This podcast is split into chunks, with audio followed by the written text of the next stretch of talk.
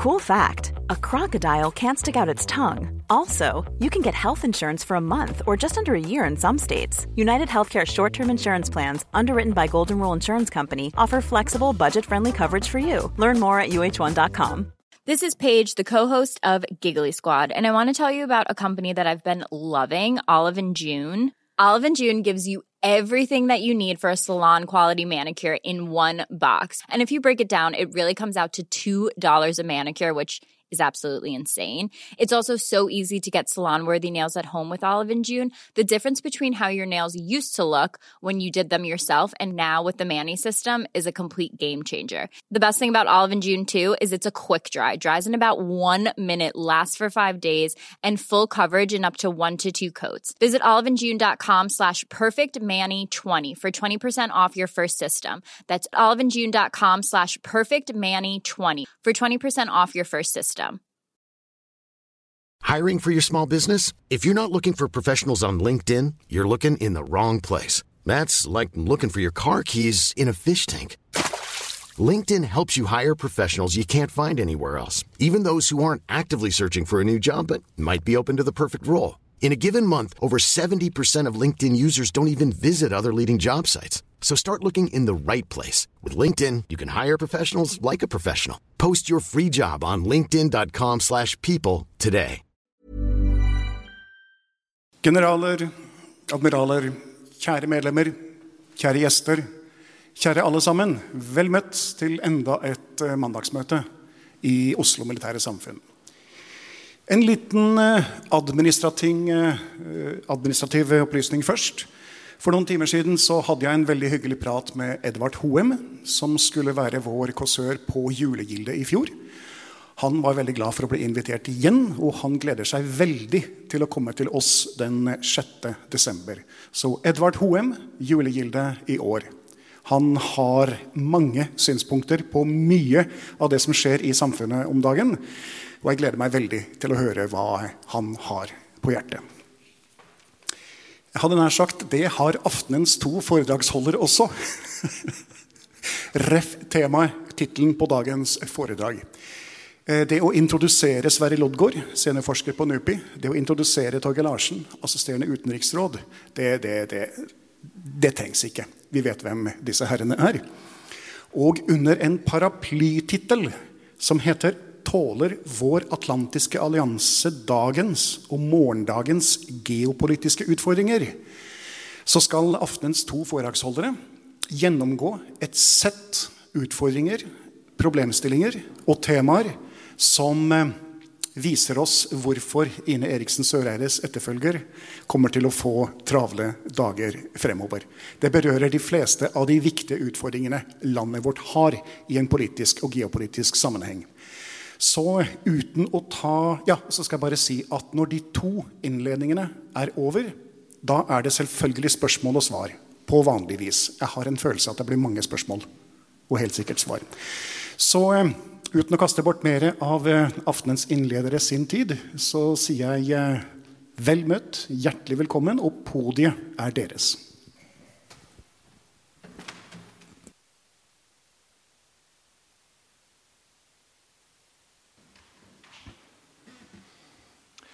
Rødt knapp. Godt folk.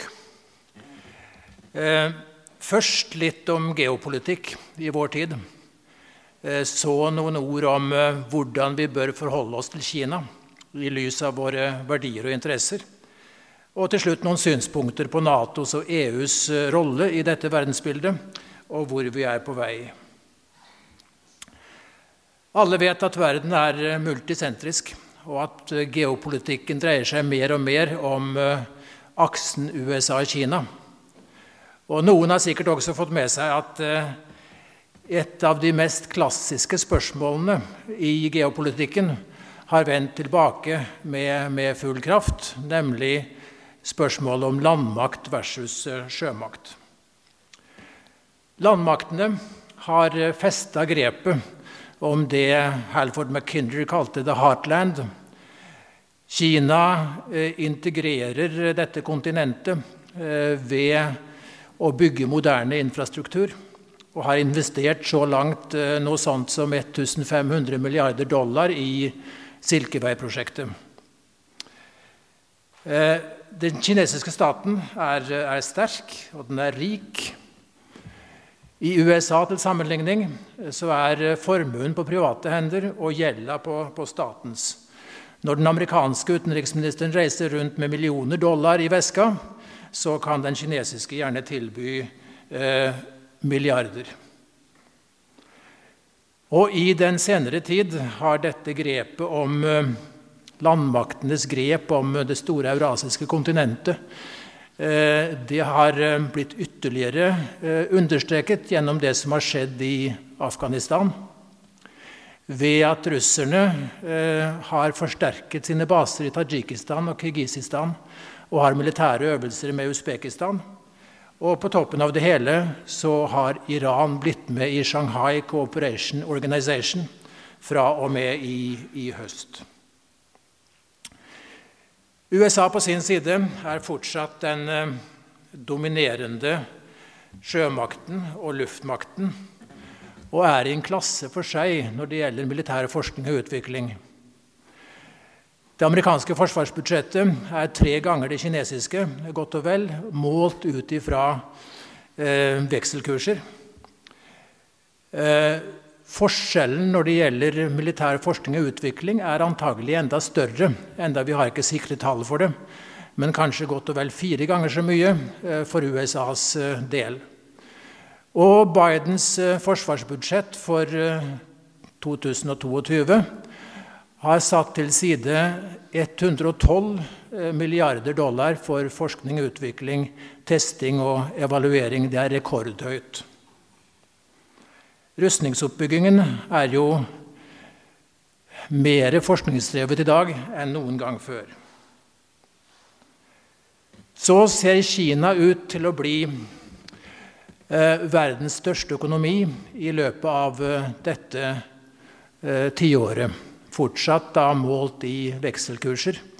Hvis man ser på kjøpekraft, purchasing power parity, så passerte Kina USA allerede mot slutten av 2014, ifølge eh, IMF. Men USA er fortsatt enermakten i internasjonal politikk, på toppen av pyramiden. Slik ser de det selv, og slik ser andre på, eh, på USA. Men den kinesiske kurven er stigende og truer med å krysse den amerikanske. Og da er vi inne i en klassisk eh, situasjon, klassisk farlig situasjon i internasjonal politikk. Det var Graham Hallison ved Harvard-universitetet som gjorde denne studien av slike situasjoner. Han fant 16 over de siste 500 årene. Og 12 av de 16 eh, endte i, i krig. Der ligger alvoret. Og det militære nedslagsfeltet for dette er i første rekke området fra Stillehavet over mot Det indiske hav, og særlig naturligvis eh, Sør- og Øst-Kina-havet.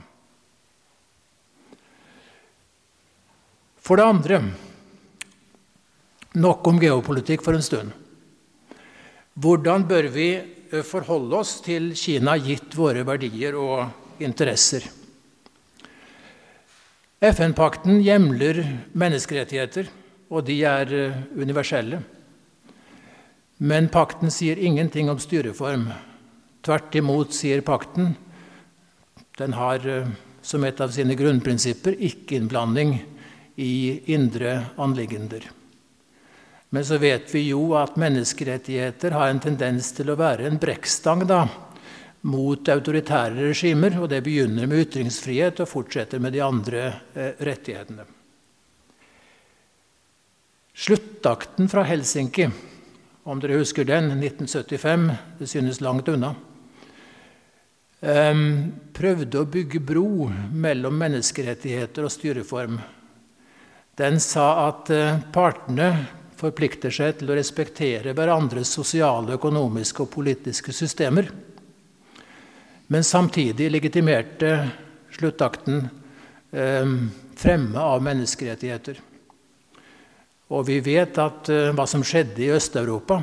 Dette ble den brekkstangen som jeg snakket om.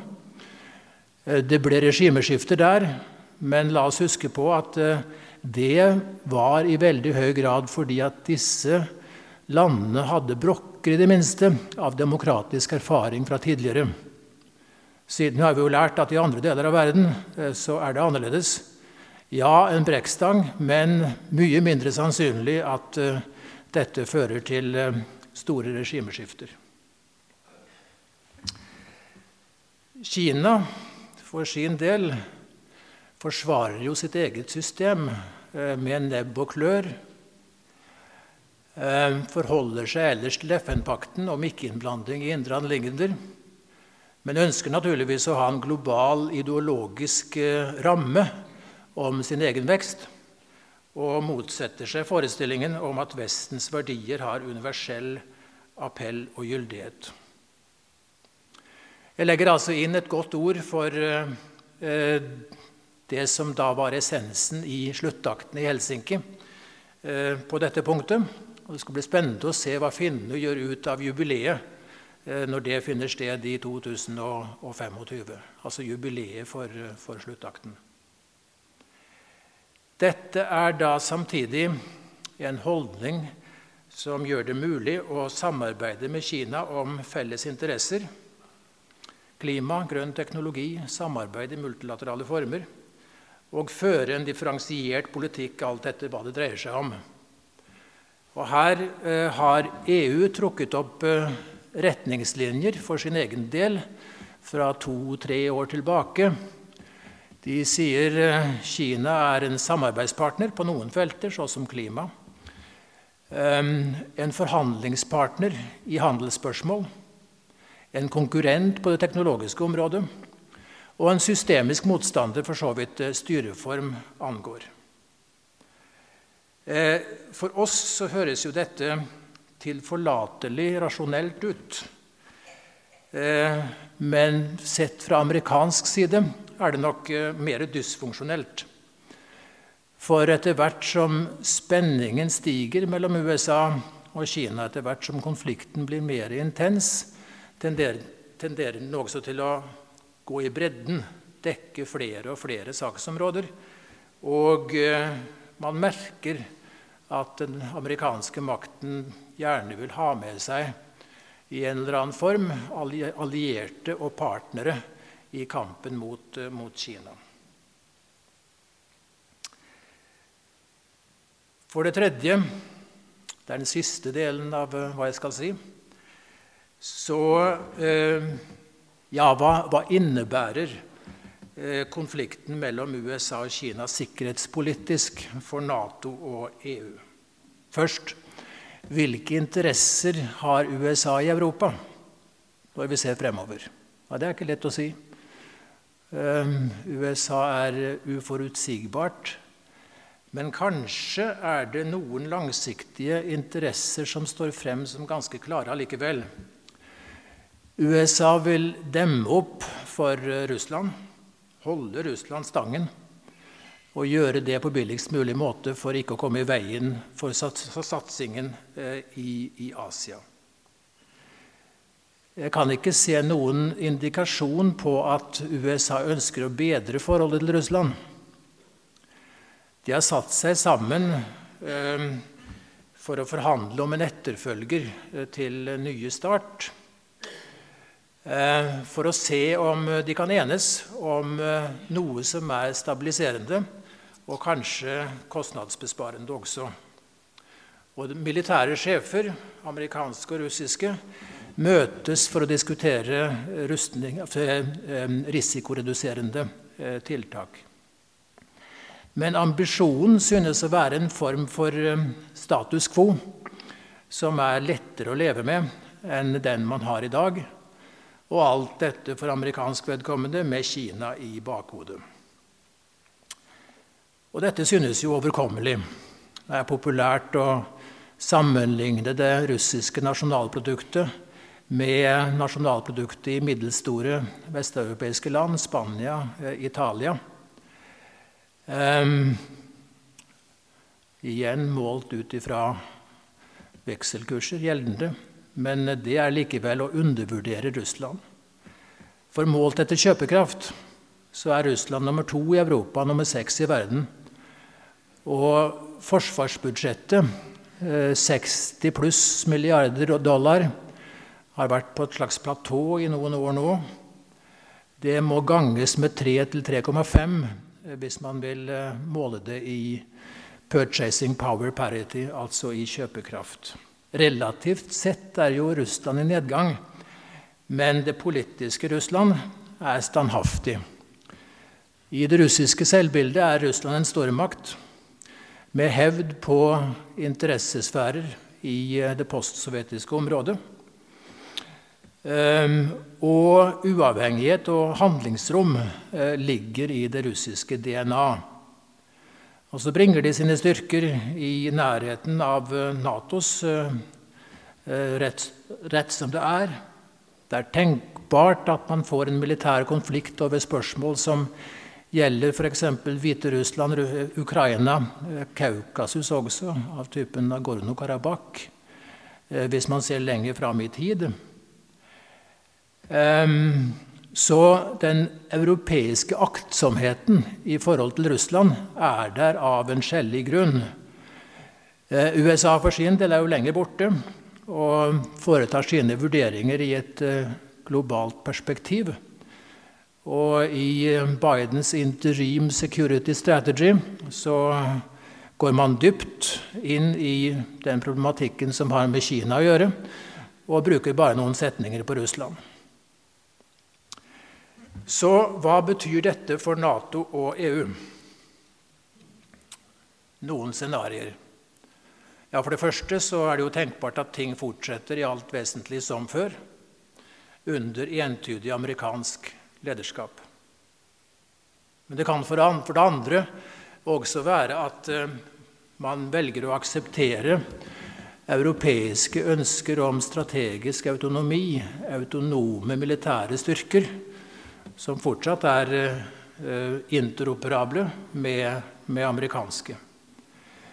Hvis, hvis, dere ser på European Defence Agency, European Defence Fund, Permanent Structured Cooperation, forskjellige initiativ med forskjellige navn, så er de alle sammen småskårne. Dette går langsomt, men trenden synes klar. Trenden går i retning av, av autonomi. Litt mindre langsomt, kanskje, etter AUKUS, altså partnerskapsavtalen mellom USA, Storbritannia og, og Australia. For Frankrike var det et aldri så lite Pearl Harbor. Um, men um, som sagt langsomt, men i en bestemt retning, altså i retning av uh, autonome militære kapasiteter. Og da er det Altså dette møter amerikansk motstand så langt. Kan allikevel være at USA gir etter på dette og skriver autonomi inn både i det nye strategiske konseptet som Nato skal vedta neste år, og i det europeiske strategiske kompasset. Det vil i så fall erstatte 2 %-målet, det abstrakte 2 %-målet, som egentlig aldri har vært uh, overbevisende. Uh, for all del 2% men ingenting sagt om hva man skal bruke pengene til. For det tredje begge alternativene har jo plass for bilaterale avtaler med land i framskutte geografiske posisjoner, så som avtalen mellom USA og Polen og den kommende avtalen mellom USA og, og Norge. Og bilaterale avtaler eh, støttes formodentlig både av demokrater og republikanere i USA. Så det kan være en relativt trygg havn. Nedsiden er da at eh, det betyr avskrekking på bekostning av beroligelse. Basepolitikken vår er historie. Jeg syns Aftenposten på lederplass uttrykte det veldig enkelt og greit. Eh, der står det at eh, basepolitikken er den politikken som den norske regjeringen til enhver tid fører. Nedsiden eh, er også at vi trader suverenitet mot stormaktenes militære kapasiteter og at vår egen evne til å håndtere situasjoner i den nedre enden av eh, konfliktspekteret blir begrenset. Land som tufter sikkerhetspolitikken på å være god alliert, har jo i utgangspunktet to alternativer. Det ene har jeg allerede nevnt, å legge til rette for oppdemmingen mot eh, Russland. Og det andre er å fortsette å bidra ute, men eh, da kanskje lenger hjemmefra enn til nå. Eller man kan gjøre begge deler. Men eh, ingen av scenarioene tilsier at Nato forsvinner. Men alle, så nær som det første scenarioet, innebærer at mosaikken av medlemslandenes politiske valg forsterkes. Og da tilbake til møteleder, eller rett over til Torgeir, kanskje? This is Paige, the co-host of Giggly Squad, and I want to tell you about a company that I've been loving, Olive and June. Olive and June gives you everything that you need for a salon quality manicure in one box. And if you break it down, it really comes out to $2 a manicure, which is absolutely insane. It's also so easy to get salon worthy nails at home with Olive and June. The difference between how your nails used to look when you did them yourself and now with the Manny system is a complete game changer. The best thing about Olive and June too is it's a quick dry, dries in about one minute, lasts for five days, and full coverage in up to one to two coats. Visit oliveandjune.com slash perfect Manny 20 for 20% off your first system. That's oliveandjune.com slash perfect Manny 20 for 20% off your first system. Hey, it's Ryan Reynolds, and I'm here with Keith, co star of my upcoming film, If, only in theaters, May 17th. Do you want to tell people the big news? Right, I'll do. Sign up now and you'll get unlimited for $15 a month in six months of Paramount Plus Essential Plan on us. Mintmobile.com slash switch. Upfront payment of $45 equivalent to $15 per month. Unlimited over 40 gigabytes per month. Face lower speeds. Videos at 480p. Active Mint customers by 531.24 get six months of Paramount Plus Essential Plan. Auto renews after six months. Offer ends May 31st, 2024. Separate Paramount Plus registration required. Terms and conditions apply if rated PG.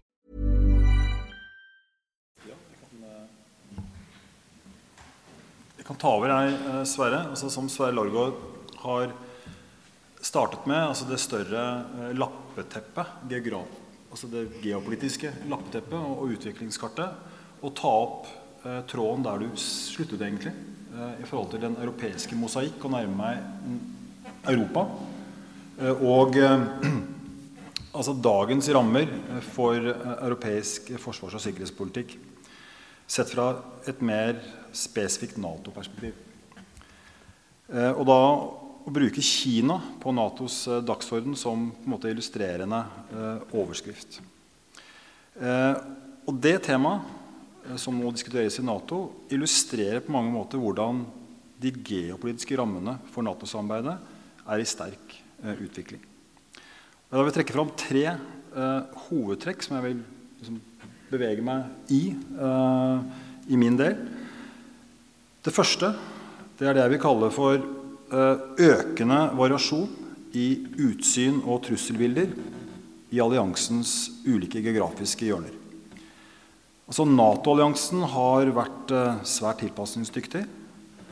Men i dag så er forventningene til alliansen, synet på relevans og opplevde trusselbilder nokså sterkt varierende på tvers av alliansens geografiske hjørner.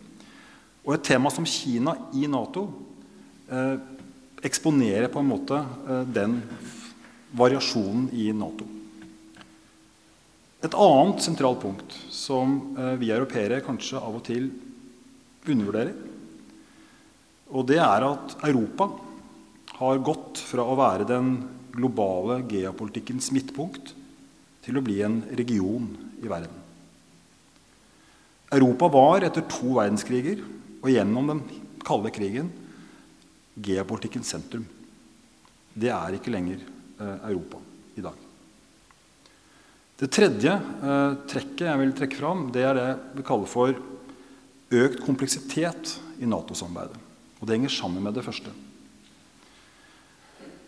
Rasjonalet for forsvarsalliansen er gått fra et nokså renskåret øst-vest konfliktbilde i Europa til et mye mer sammensatt bilde av ulike trusler, geografisk som tematisk, Og Nato har derfor utviklet eh, en lang rekke nye grenseflater, partnerskap og temaer. Og Det har vært en nødvendighet for å sikre relevansen for alle medlemmer på tvers av eh, alliansen. La meg først eh, starte med alliansens utsyn. I kommunikeet fra Nato-toppmøtet i Brussel i, i, i sommer så fikk Kina en nokså sentral plass. Det var nytt. I kommunikéet så eh, slår Natos medlemsland fast at Kina representerer en systemisk utfordring for den regelbaserte verdensorden på områder som berører alliansens sikkerhet. Og helt konkret at Nato vil engasjere Kina for å forsvare alliansens sikkerhetsinteresser, med spesifikt framheving av cyber, hybride og andre asymmetriske trusler. Og det pågår nå et nokså omfattende arbeid i Nato. Eh, Sverre var innom det. Eh, et sluttpunkt eh, vil være Madrid-toppmøtet neste år. Generalsekretær Stoltenbergs siste toppmøte som generalsekretær. Og det nye strategiske konseptet. Og Kina på dagsordenen i Nato, det er nytt. Faktisk veldig nytt. Nå skal jeg ta en liten anekdote fra min egen tid eh, som leder for eh, den internasjonale staben i Nato og, og, Stoltenbergs kontor. Jeg husker veldig godt i 2016, siste halvdel, så skulle vi, som generalsekretæren pleier å gjøre, introdusere høstsemesterets liste over lunsjtemaer for møter, uformelle møter med Natos eh, altså ambassadører i, i Brussel. Eh, og på den lista den høsten 2016 så hadde vi satt opp Kina. Vi regnet med at det ville vekke noen reaksjoner, men ikke hvor store reaksjoner det vekket. Eh, det var jeg som sendte ut den meldingen, og jeg satt hele den eh, ettermiddagen og kvelden og tok imot telefoner fra ambassadører. Den første som ringte, var ikke overraskende Frankrikes ambassadør, som var sterkt imot å sette et tema som bare hørte hjemme for Frankrike på EUs agenda, overhodet ikke i Nato. Men rett etter ringte en rad av ambassadører fra de østlige medlemslandene. Baltikum, Polen, Romania.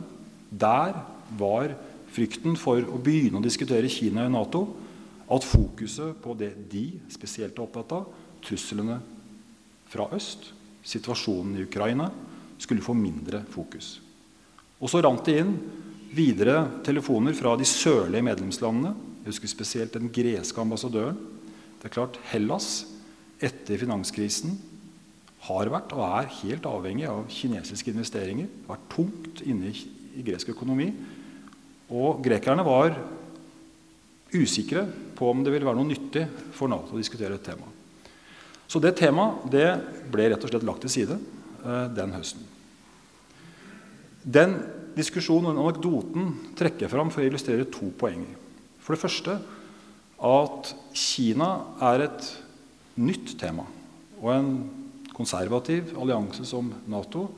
Eh, det er klart Nye temaer det, det skal håndteres forsiktig og i nokså mange runder før det blir etablert. Det er konsensusprinsippet som gjelder. Dette er 2016, og vi er allerede i 2021. Mitt andre poeng er at dette spørsmålet illustrerte strekket i laget når det gjelder hva man ser ut av vinduene i de ulike hjørnene i alliansen. Sitter du i sør, ser du sørover. Du ser på Middelhavet. Du ser på ustabilitet på andre siden av Middelhavet. Algerie. Du ser eh, flyktningstrømmer eh, og terrorisme.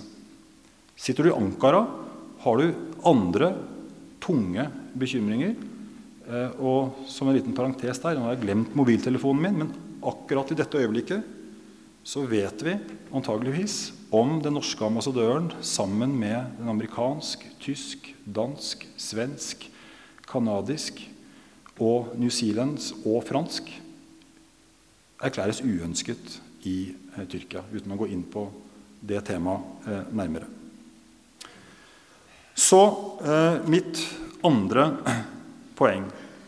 Europa fra geopolitikkens midtpunkt til å være en region i verden.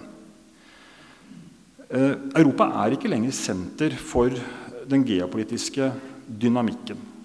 Eh, verken sett fra Washington eller fra Beijing. Det betyr ikke at Europa ikke er viktig, i hvert fall ikke for vi som bor eh, i Europa. Og dette er en utvikling som har funnet sted over tid.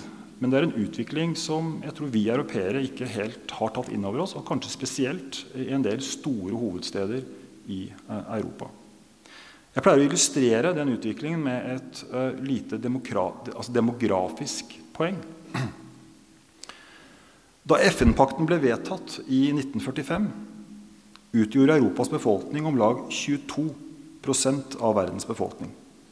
I dag er 10 av verdens befolkning europeere. En andel som vil synke videre mot 7% i 2050, når 80 av verdens befolkning vil ha tilhørighet i Asia og Afrika. Ennå til FNs befolkningsstatistikk. Og Det betyr at i 2050 vil hele Europa, hele Nord-Amerika, hele Latin-Amerika og hele Oseania dermed romme en mindre andel av verdens befolkning enn europeere alene utgjorde i 1945. Fire år før eh, stiftelsen av Nato, med Europa som geopolitikkens frontkontinent gjennom hele den kalde krigen. Også FNs sikkerhetsråd var langt på vei et eurosentrert råd helt fram til 1971, var det vel, om jeg ser på Sverre, som har bedre kontroll på tallene enn meg, eh, da Folkerepublikken eh, og eh, altså Fastlandskina fikk et fast sete i FNs sikkerhetsråd. Når det gjelder Kina, så har Europa delte interesser. Og slett ikke alltid overensstemmelse med amerikanske interesser. Sikkerhetspolitisk så er det transatlantiske samarbeidet og USA garantisten for europeisk sikkerhet. Det er et faktum delt i hele, hele Europa. Og Europa har absolutt mange sammenfallende sikkerhetsinteresser med USA i forholdet også til Kina. Men på en lang rekke andre samfunnsområder økonomi, arbeidsplasser, samfunnsverdier, globale samarbeidsspørsmål avvikler relativt ofte europeiske interesser og standpunkter fra amerikanske interesser og, og standpunkter. Og Det samme gjelder for Norge. Norsk sikkerhet er forankret bunnsolid i Nato med USA som garantist. Men for norsk verdiskaping, norske arbeidsplasser, er det Europa og det europeiske markedet vi er grunnleggende avhengig av, ikke USA og det amerikanske markedet. Som bringer meg til mitt tredje og siste poeng. Og det er kompleksiteten som følger med Kina som tema på, på Natos eh, dagsorden. Eh, som Sverre eh, beskrev godt, så er eh, Kina en hovedprioritet for dagens USA. Og det er trykk fra Washington for at Nato skal gå lenger i å definere Kina ikke bare som en militær trussel, men også som en systemtrussel. Og Det er tverrpolitisk enighet i Washington om dette. Det er vel kanskje det eneste spørsmålet det er stor enighet mellom republikanere og demokrater om. Og Dermed så trekker noen av og til fram Richard Holbrooks gamle spissformulering i forbindelse med out of area-diskusjonen som dere husker fra eh, Nato-samarbeidet. Hvor Richard Holbrook formulerte som følgende Out of area or out of business for Nato. Det er en sammenligning som kan være besnærende, men den er samtidig veldig haltende. Eh, I Kina og Nato, som out of area-diskusjonen, møter motstand i, i, flere europeiske land. Men Europas forhold til Kina er et langt bredere forhold og spørsmål. Og det berører så mye, mye mer enn sikkerhet for Europa. Og Spørsmålet blir derfor også som det bales med eh, mellom hovedsteder og også i, i Natos eh, Brussel-bygning. Hvilke deler av Kinaspørsmålet som hører hjemme på en Nato-arena, hvilke deler som hører hjemme på europeiske samarbeidsarenaer og andre internasjonale arenaer. Og her er det delte meninger, selvsagt.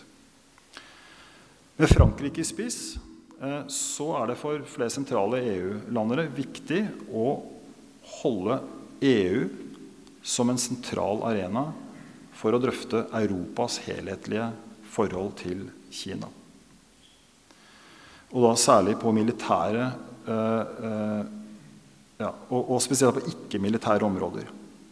Men når det gjelder sikkerhetsspørsmål, og da særlig for gråsonen mellom militære og sivile eh, spørsmål, så er EU faktisk et viktig eh, sted, eh, også for oss som ikke er medlem av Nato. På cyber, hybride områder så er EUs verktøykasse sentral for mange av oss.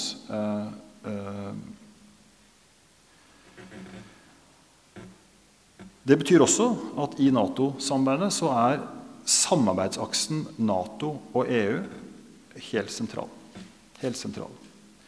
Eh, og som du var inne på, eh, Sverre, så er det klart at eh, når det gjelder den aksen, så er det ofte skjær i sjøen. Dette ubåteventyret har jo illustrert det, i hvert fall hvis man sitter i Paris. Vil man beskrive det. og Samtidig som det for alle Nato-land, også for, for, Frankrike, er viktig at USA ser Nato som et relevant forum for å diskutere sikkerhetsspørsmål knyttet eh, til Kina. Eh, helt konkret nå så drøftes det eh, i, i, Nato det som er en første Kina-rapport som skal legges fram i månedsskiftet november-desember på utenriksministermøtet i Nato. Eh, som er da første steget på veien til eh, konseptet som skal vedtas og drøftes eh, i Madrid neste år. Som vil være et offentlig dokument, et viktig dokument som kommer til å leses med, med, ja, med interesserte øyne i Beijing, men også i andre steder. Moskva, f.eks.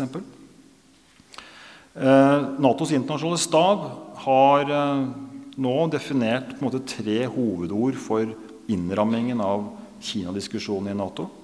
Det er awareness, preparedness og engagement. Det er noe som Norge i de diskusjonene har, har støtt opp om, med fokus på en riktig balanse. Uh, unngå polarisering, unngå unødvendige fiendebilder.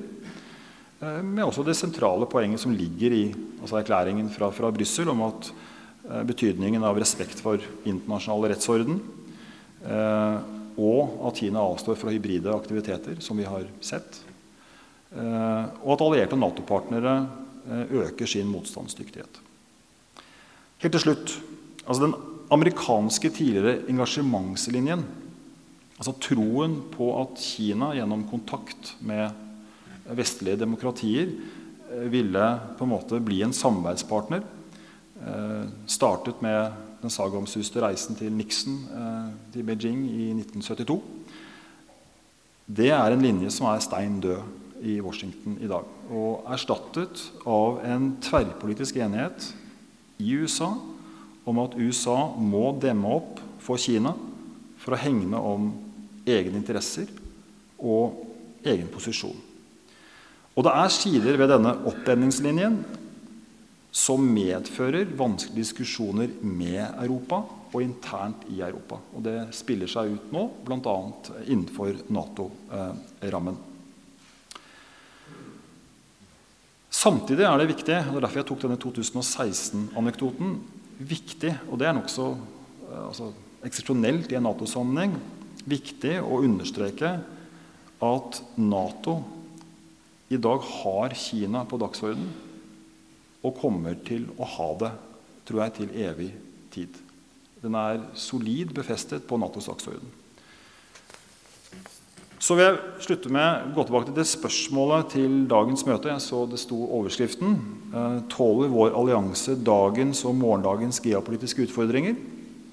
En annen måte å formulere det på kunne selvsagt være å si vil alliansen tåle den geopolitiske rivaliseringen mellom Kina og Nato og alliansens viktigste medlem, USA.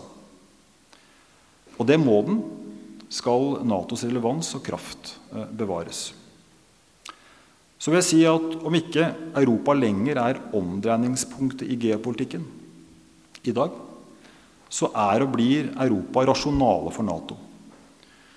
Og det går på mange måter mener jeg, til kjernen i dagens møtespørsmål. Og det peker mot da en vedvarende og nødvendig vekting mellom Nato som i dag som regional europeisk sikkerhetsallianse og alliansens relevans utenfor Europas fysiske grenser. Og Her er det som alltid to mulige grøfter å gå i. Den ene grøfta det er et Nato som geopolitisk aktør uten legitimitet i en europeisk virkelighet. Eller uten tilstrekkelig legitimitet i en europeisk virkelighet. Og den andre grøfta det er et Nato som innovervendt, fragmentert europeisk allianse uten tilstrekkelig relevans og legitimitet i en nordamerikansk virkelighet.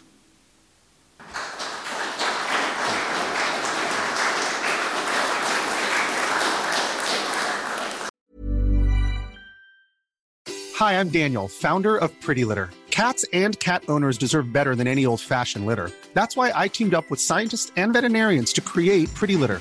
Its innovative crystal formula has superior odor control and weighs up to 80% less than clay litter.